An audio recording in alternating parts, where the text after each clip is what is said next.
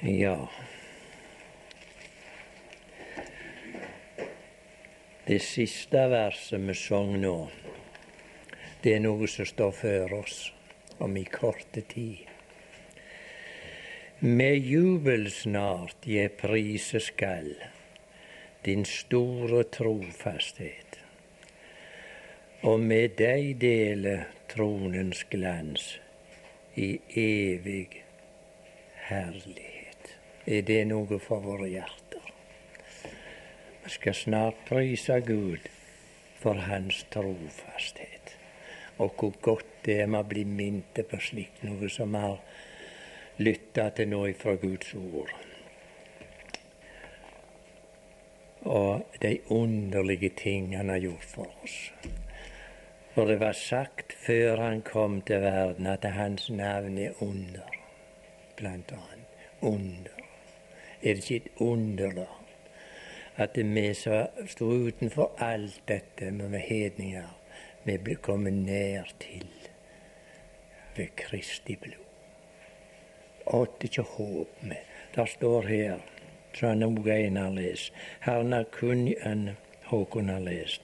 Herren har kunngjort sin frelse, åpenbart sin rettferdighet for hedningenes øyne.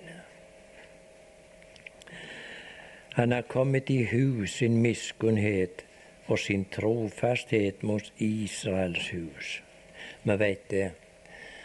Herren hadde gitt dem et løfte, og det var ikke på grunn av deres prisverdighet, men det var på grunn av et løfte til fedrene. Han kom sitt løfte i hu. Og så har han ikke glemt oss, vi som var utenfor underlige Gud. I det tilfellet så kom det et ord for meg ifra i salme. Men kan gjenta det for oss. Salme 111. Og der står det i vers 4 Herren har sørget for at hans undergjerninger ihukommes.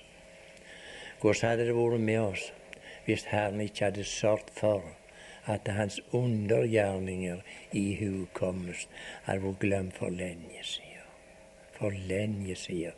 Tenk bare på Israels barn, alle de undergjerningene han gjorde. Men så står det lenger, det var ikke så lenge etterpå, de glemte Herren sin Gud. Herren har gjort det så, sørget for at hans undergjerninger ihukommes. Ja, skal vi fortsette vende oss til Gud i bønn. Herre vår Gud, hjelp oss at vi har våre hjerter med oss om innenfor nådens trone. Og den anledning du har gitt oss til å komme inn der uten frykt men vi kommer inn som dine elskede barn. Du har kalt oss med det navn, Herre, mine elskede barn.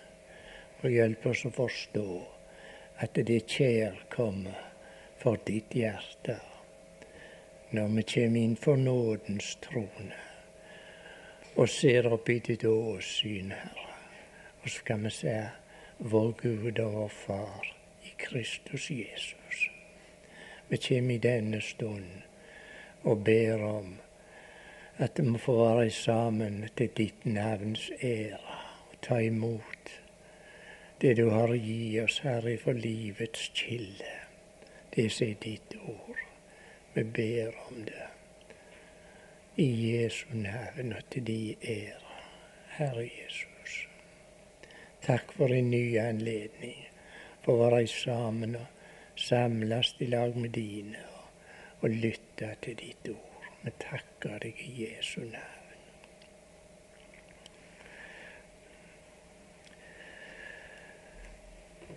Før jeg glemmer det, så vil jeg si dere en takk for blomsten jeg fikk.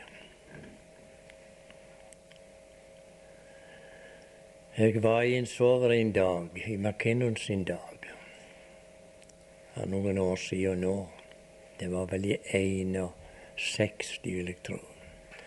Da, fylte, da hadde han en soveren dag som jeg hadde nå. Og det han, han sa i anledning den dagen at jeg skal forsikre dere om, sa han, det skal ikke bli flere sådanne dager. Og det kunne han godt si. Ja, det skal ikke bli flere av deg. Ja ja, året etterpå så var han hjemme hos Herren. Da var en vel over. Det er godt å vite. Når pilegrimen er kommet hjem, da blir det jubelsang. Da er det ikke år lenger, da er det ikke dag lenger, da er det ikke natt lenger. Da er det evighet i Herrens nærværelse. Når jeg tenker på møter, blir det mer og mer Hva skal jeg si da? Alvorlig for mitt vedkommende. Der står et ord vet du, som vi aldri bør glemme om noen taler. Han taler som Guds ord. Som Guds ord. Da er det ikke rom for fortolkninger om ditten og datten, men som Herrens ord. Og det er en meget alvorlig sak enten man vil kalle det tale eller vitnesbyrd, for Guds åsyn. Og det står rett i Det gamle testamentet Herren hørte, han gav akt. Og så ble det nedskrevet inn i hukommelsesbok. Det var innenfor Guds åsyn. De som talte sammen. Det var ikke noe det var ikke noen svære samlinger, men det var noen få ser det ut som samles om Guds ord må det alltid stå klart for oss. Herren hørte og gav akt, står det. Ja, skal vi lese sammen ifra Josva bok. Og Josva bok og det trettende Nei, det, det tredje kapitlet. Og jeg tror vi er sikre på når vi leser Guds ord, så skal vi legge vind på så det står 'opplesningen av Guds ord'. Eller innskrenke tida med vårt syn og vår mening og ditten og datten. Det er rett men klart vi får et syn og en mening av når vi leser Guds ord. Men vi er alltid trygge når vi leser Guds ord, for det, er det taler. Det er livets ord, dette her, som taler til våre hjerter ved Den hellige ånd. Kapittel tre i Josva bok, så skal vi se hvor vi skal Ja, vi, vi begynner på niende vers i kapittelet. Og Josva sa til Israels barn Kom hit og hør Herren eders Guds ord. Og Josva sa, på dette skal de kjenne at den levende Gud er midt iblant eder, og visselig skal drive bort for eder kananittene og hetittene og hevitene og ferisittene og gergasittene og amorittene og jebusittene. Se, han som er all jordens herrer, hans paktsark går foran eder ut i Jordan. Så velg nu ut tolv menn av Israels stammer, én mann for hver stamme. Og så snart prestene som bærer Herrens all jordens Herres ark, står stille med sine føtter i Jordans vann, da skal Jordans vann det vann som kommer, kommer ovenfra, demmes opp så det står som en vegg. Er det ikke til Gud som taler? Vatnet skulle stå som en vegg på Hans ord. Han var ikke nærværende synlig, men han var den som bød, står det, og det sto der. Her taler han til oss. Og det er veldig viktig for oss at vi lytter til denne talen. I vers 13. Ja, det sto som en vegg. da nå folket brøt opp fra sine telt for å gå over Jordan, og prestene bar paktens ark foran folket. Og de som bar arken, kom til Jordan, og de prester som bar arken, rørte med sine føtter ved det ytterste rand av vannet. Men Jordan gikk over alle sine bredder hele høsttiden igjennom. Da stanset det vann som kom ovenfra og sto, som en vegg langt borte ved byen Adam, som ligger tett ved Sartan. Og det vann som rant ned til ødemarkens hav, Salthavet, løp helt bort, og folket gikk over midt imot Jeriko.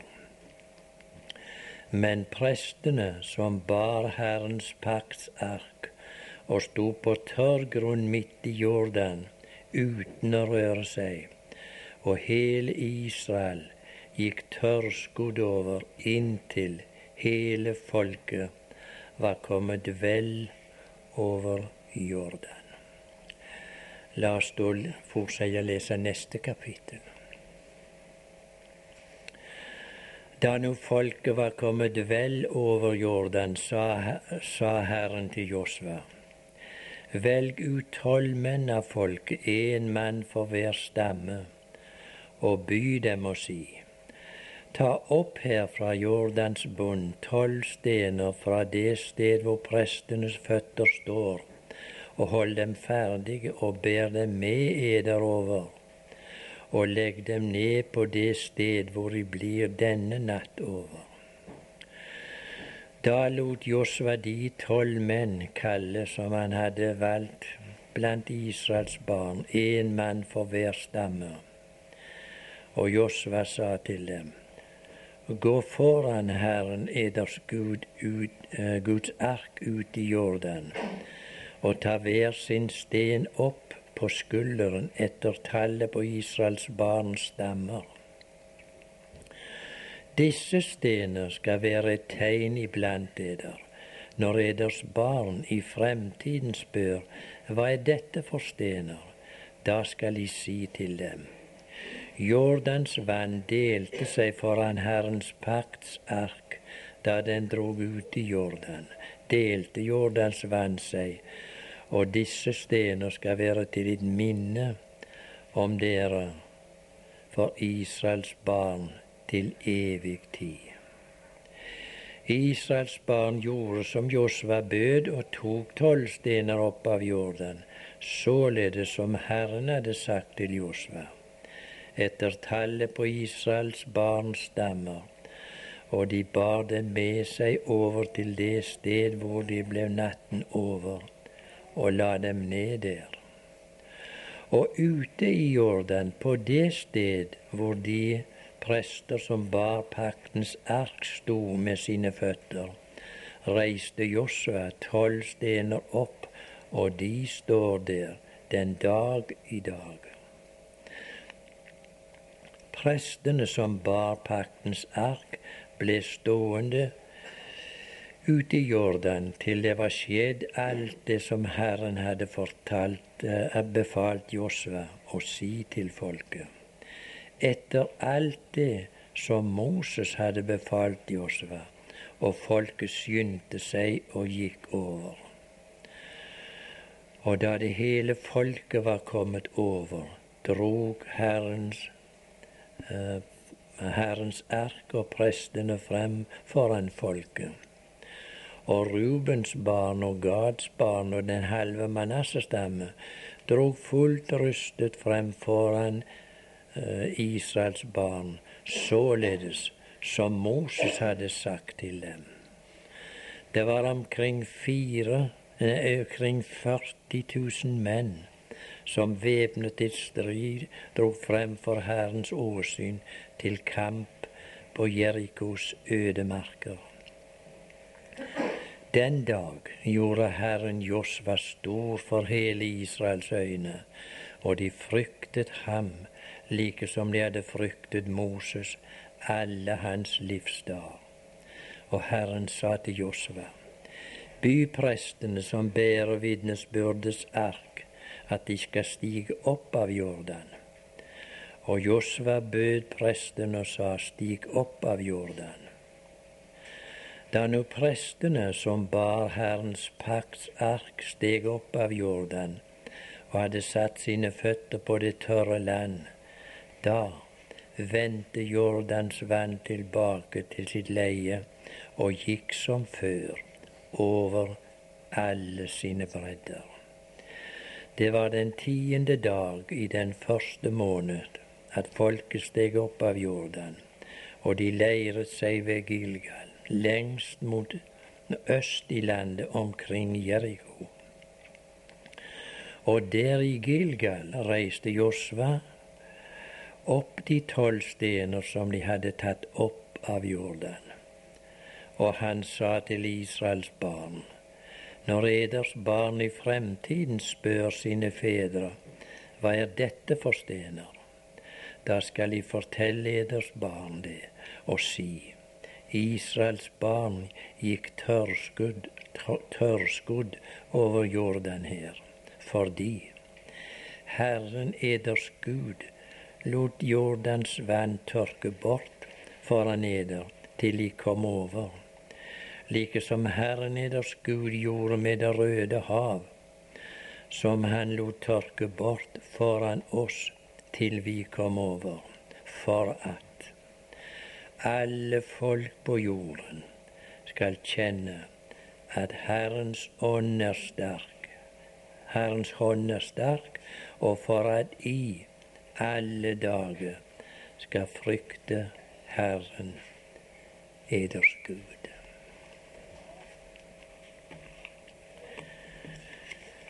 Ja, det er underlig historie, men det er historier som er veldig lærerike for oss. Dette vi har lest om Israels Gud.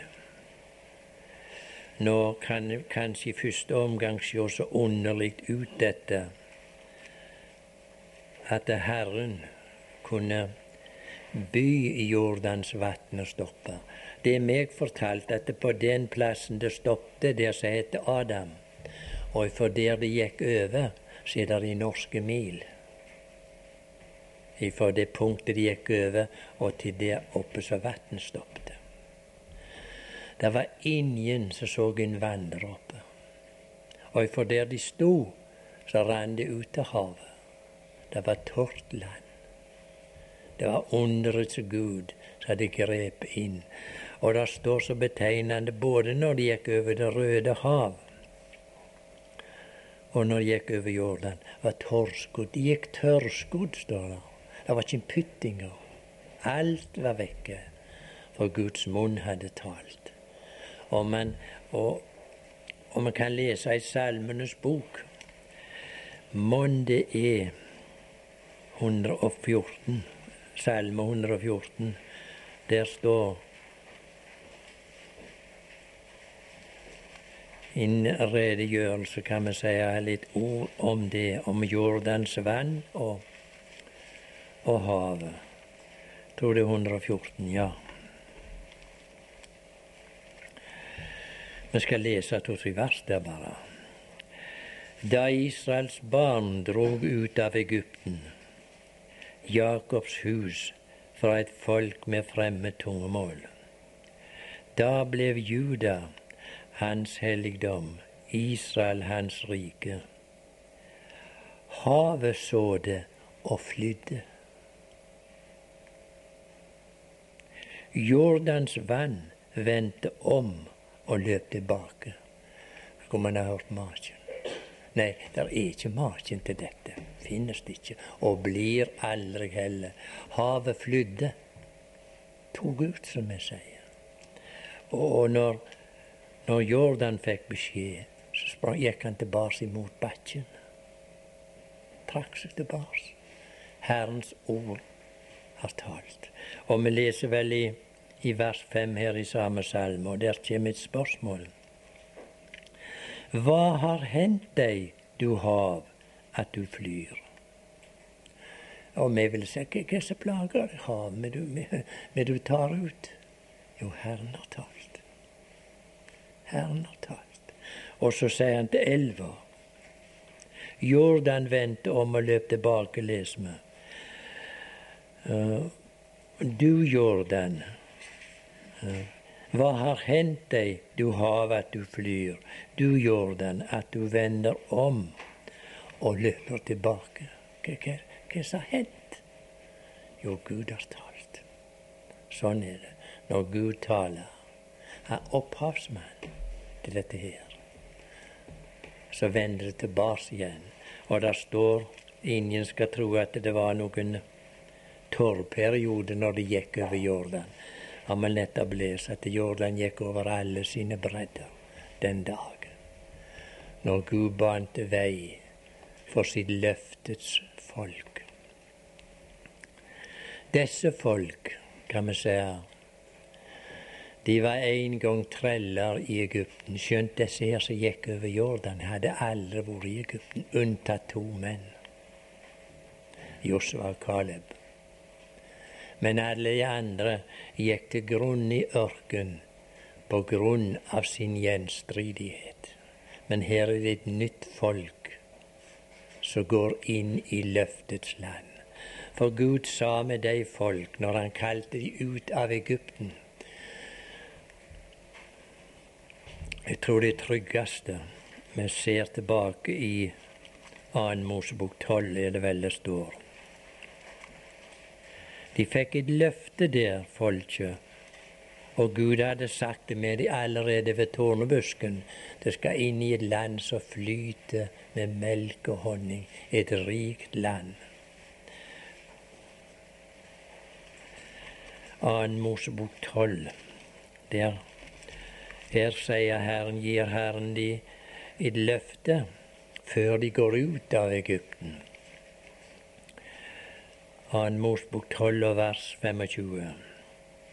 Og når I kommer inn i det land Herren skal gi eder, således som Han har lovt, da skal I holde denne tjenesten.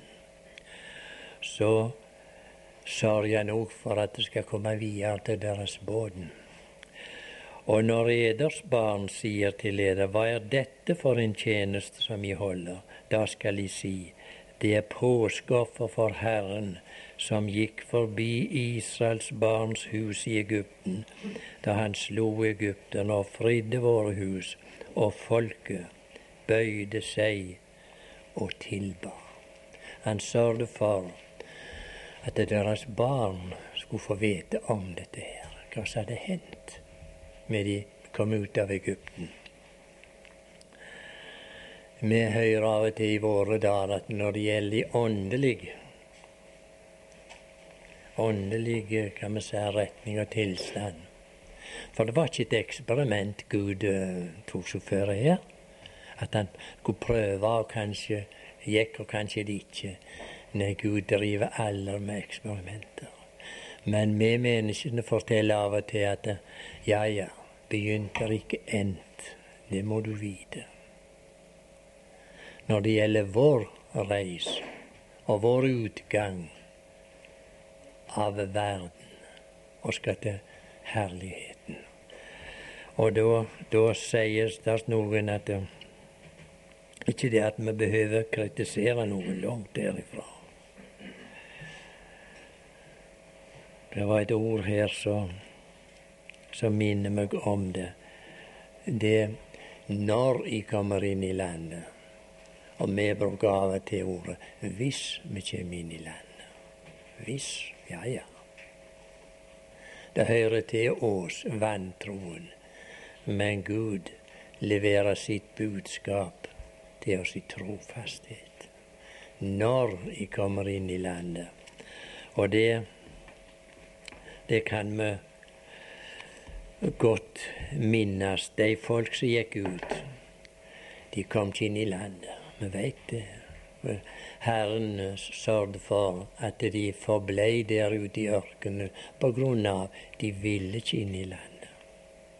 Vi treffer de en dag, disse folk, på grensa uh, til Kades Barnea. De sto kloss inn med grensa, og Gud sa de, de kan gå inn og ta landet. Så sendte de speidere inn, vet vi og skulle se på dette rike landet. Og de kom tilbake og sa landet er umåtelig rikt, men det var fiender.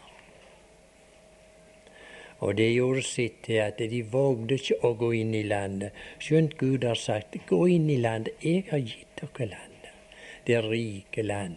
Tenk, de folk som kom ifra den tørre ørken og kunne komme inn i det land og var gjenstridige og ville ikke på grunn av frykt for, for, for fiender som var der. Og det står om noen av de speiderne de talte ille om landet. Og mange ganger jeg har tenkt hvordan er det med dere? Så hører Herren til i dag. Taler det ille om landet? Er det farlig? Er det fiender? Ja visst er det fiender. Men det er en Gud som har lovt å gå med. Måtte vi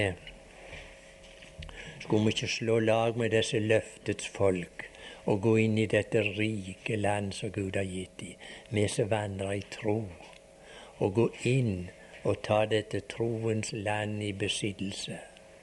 For Herren lovte de det. Han sa det med Caleb.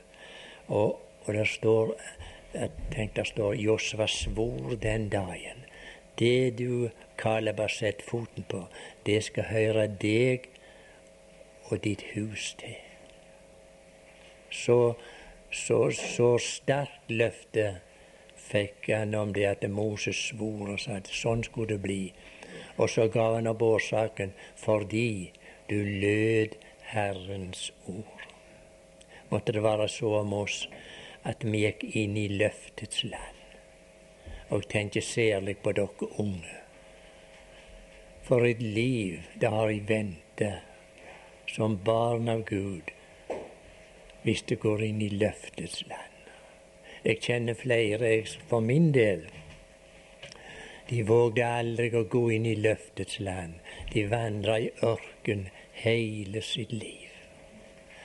Nå må ingen av oss finne på å avskrive de folk til fortapelsen, og til synda vi mot Gud. De gikk en dag ut under lammets blod, de folk som gikk ut av Egypten, og var kalte til samfunn med Herren. Men de sa nei. De så på omkostningene å gå inn i det land, for det kunne bli strid. Ja visst er det strid. Og vi tenker på oss som vandrer i tro og skjønner det må bli strid. Men Gud er med oss. Han har sagt 'gå inn og ta landet'. Jeg har gitt dere landet. Han sa til, til folk jeg skal, ta, jeg skal ta meg av fienden deres. Og så kunne de høste frukter og leve i det rike land og ære den Gud som hadde ført de dertil. Det er ikke bare et tap for oss om vi ikke går inn i løftets land, men det er et tap for Herren. Tenk om vi gikk inn der og kunne prise Han for alle løfter Han har gitt oss, med å gå inn i løftets land.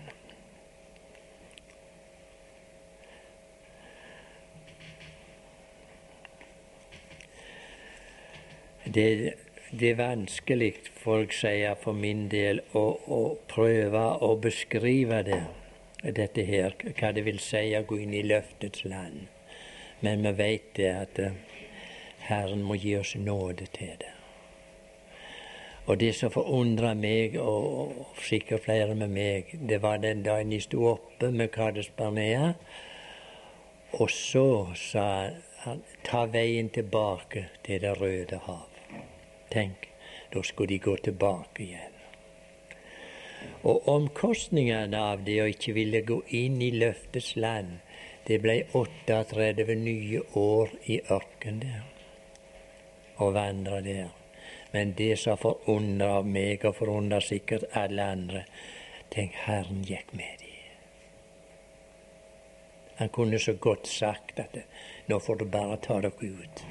Men Herren gikk tilbake med dem, og han fylte dem hele veien på deres gjenstridige ferd. For de hadde noe iblant seg. De hadde paktens ark, og på den var nådestolen.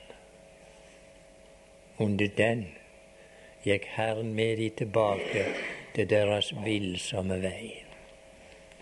Og hvordan skulle det vært med Guds båden hvis Herren ikke gikk med oss på våre villsomme veier?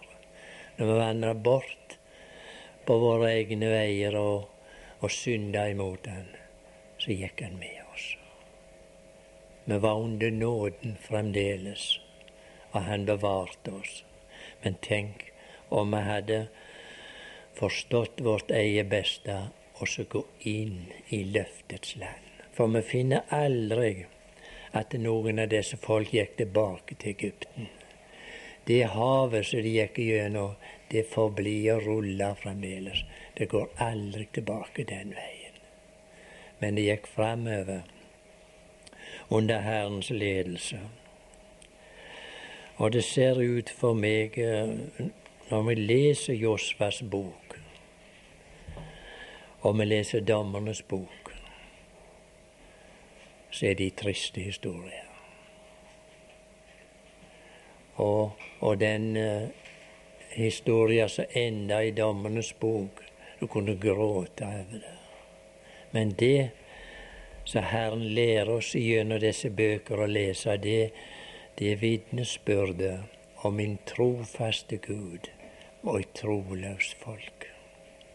Så Herren ikke slo hånda av trots deres ulydighet når de vandra. Herren hadde sagt, hadde gitt dem et løfte, ikke for deres prisverdighet, men et løfte på grunn av fedrene for han sa i Abrahams og Isaks og Jakobs Gud. Lærdom. Alt Guds ord er skrevet oss til lærdom, og dette her som har lest i Josva bok, når det gjelder vår vandel og på vår reis. Så har Herren lot dette nedskrevet for det skal være hjelp for oss som vandrer i tro og vi ser den tilstand de kom i. Allerede i, når Josva var død, så glemte de løvsalenes høytid. For Gud hadde foreskrevet i disse visse høytider på vandringen, så de skulle ha glede av seg til. Men det var ikke lenge etter Josvas død så glemte de løvsalenes høytid, leser vi. Og løvsalenes høytid, det var ei høytid så de skulle være sammen og glede seg. Det var gledeshøytid. De skulle bygge i løvhytter, og så skulle de leve og glede seg som Herrens folk. Men de glemte det vekk. De la det ned. Og så kommer vi videre. Og det var en annen høytid de gav opp. og og forfallet ble stort, og det ble en, en svær tilbakegang i Samuels tid. Da glemte de påsken sin. Tenk, de kunne glemme den påsken så Herren førte de ut. Nå var det ikke de folk, men var deres fedre, og de hadde forkynt de om utgangen fra Egypten, og at de skulle se med sine barn hvorfor de gikk ut. Vi kan vi kan slå tilbake til Nehemias bok. Der tror jeg vi finner noe nevnt om, om eh, det der. Høytiden som ble glemt. I Nehemias bok kapittel 8 skal vi lese noen få vers der. Det gir oss innsyn i dette her når det angikk høytidene deres. Nehemias 8, og vi kan begynne på vers 15. Men hadde, nå hadde de funnet fram lovboka så de hadde glemt vekk når de var i Babel. Men nå vet vi de kom tilbake til sitt land. Og det var i vers Ja, la oss ta vers 14. De fant da skrevet i loven den lov som Herren hadde gitt ved Moses at Israels barn skulle bo i løvhytter på festen i den syvende måned, og at de skulle kunngjøre og la utråp i alle sine byer og i Jerusalem, gå ut på fjellene og hent løv av oljetrær og av ville oljetrær og av myrter og av palmer og andre løvrike trær, og gjør løvhytter som foreskrevet er. Da gikk folket ut og hentet løv, og de gjorde seg løvhytter hver på sitt tak og på sine uh, tun, og likeledes i forgårdene til Guds hus, og på plassen ved vannporten, og på, pla og på plassen ved Efraimporten og hele menigheten, de som var kommet tilbake fra fangenskapet, gjorde løvhytter og bodde i dem. For fra Josva, Nuns sønns dager, like til denne dag, hadde Israels barn ikke gjort dette, og det var en overmåte stor glede. Dette hadde de glemt ut når vi leser seinere. For det var ei gledeshøytid de skulle ha. Og så kan vi, både du og jeg, føre det tilbake i vår åndelige tilstand. Herren har sagt 'gled eder i Herren'. Alltid atter gir jeg 'gled eder'. Hvorfor? Og Guds ord sier 'gleden i Herren skal være eders styrke'. Hva er det som tar plassen i i, i gledens plass i våre liv. Versligheten, verden og verdens ting fyller sånn vi glemmer glede av å høre Herren til. Sånn gikk det med deg. Forfallet kom. Tilbakefallet kom i deres liv på mange områder. Så kom òg den dag og den tid, i Samuels tid, når de glemte påsken. Tenk, hvis du og jeg kommer til et sovepunkt når vi glemmer påsken vår, vi glemmer frelsen vår, så er det forfall i våre liv. Nå skal vi se tilbake til i annen krønikebok. Der er det nevnt noe at de hadde glemt påsken sin, disse folk. Annen krønikebok og kapittel 35. Der skal vi òg lese noen, noen få vers.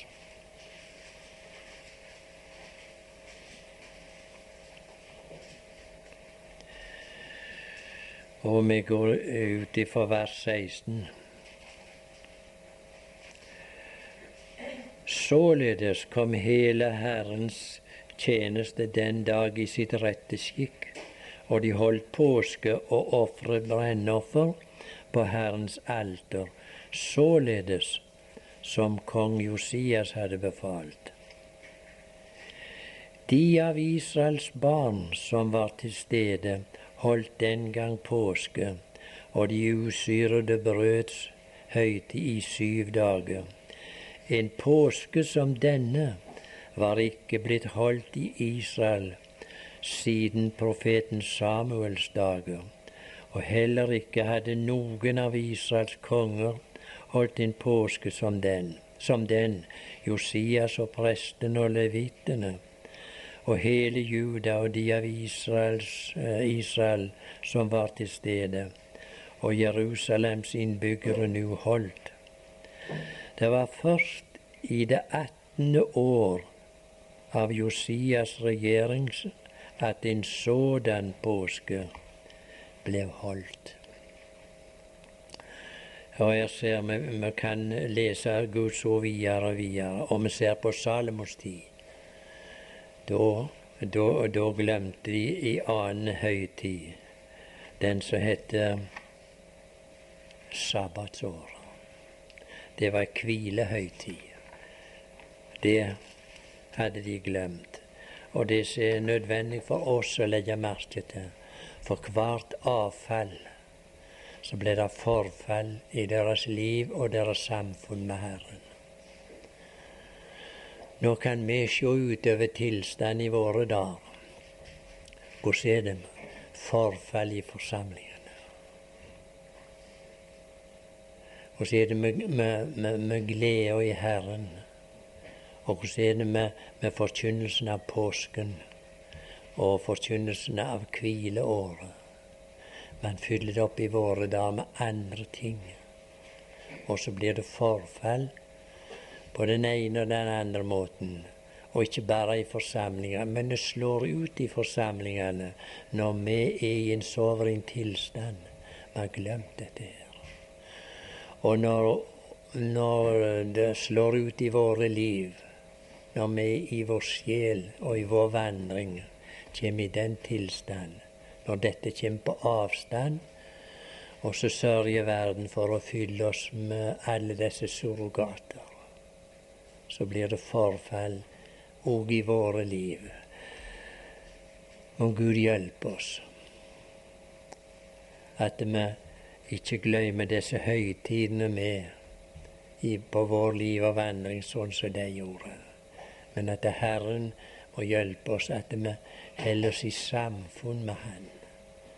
For det står, vet du, at Herren har fortrolig samfunn med dem som frykter ham. Det er de han Det er de han får bli av med sine eh, kunnskap til. Skal vi se om det står noe om det i salmer. Jeg er ikke så sikker på hva det er, men nå skal jeg prøve om vi kan finne det. Om vi kan finne den.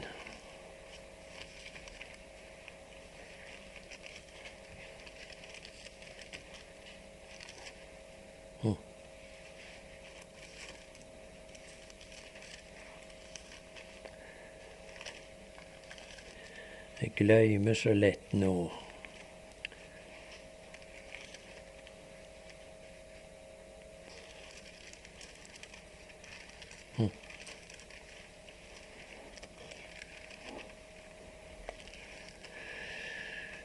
Ja, Kanskje det er noen som kunne hjelpe meg på glid her hvor det verset står. Herren vil ha fortrolig samfunn med dem som frykter ham. 25, det var godt at vi fikk vite det så snart. Ja da, der står det.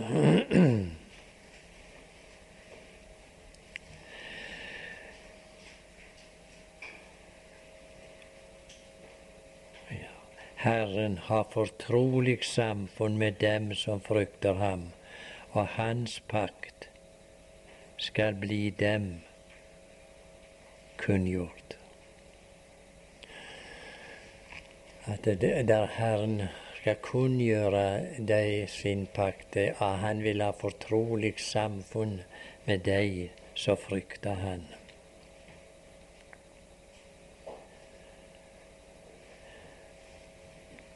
Og så står det i vers 12 i samme salme Hvem er den mann som frykter Herren? Han er spørsmål om hvem er den mann som frykter Herren. Så kommer Herren med et løfte. Ham lærer han den vei han skal velge. Så kommer følgen av det. Hans sjel skal stadig ha det godt. Tenk. Hans sjel skal stadig ha det godt. Det vil ikke si det samme som at vi skal ha det godt i dette livet alltid. For vi vandrer da i Tåredalen med så vel som alle andre, og alle Bibelens menn og kvinner har gjort. Men her står hans sjel skal stadig ha det godt. Og Gud hjelpe oss til at vi holder oss så tett inntil Herren at vi ikke blir så nedkjølte av denne verdens ting. At vi pleier samfunnet med Han dag for dag. For du vet det, der står i Johannes brev at om disse ting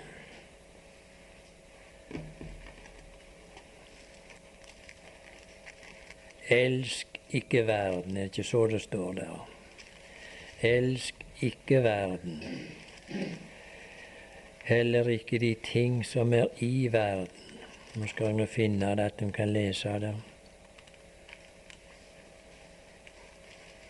Sammenhengende.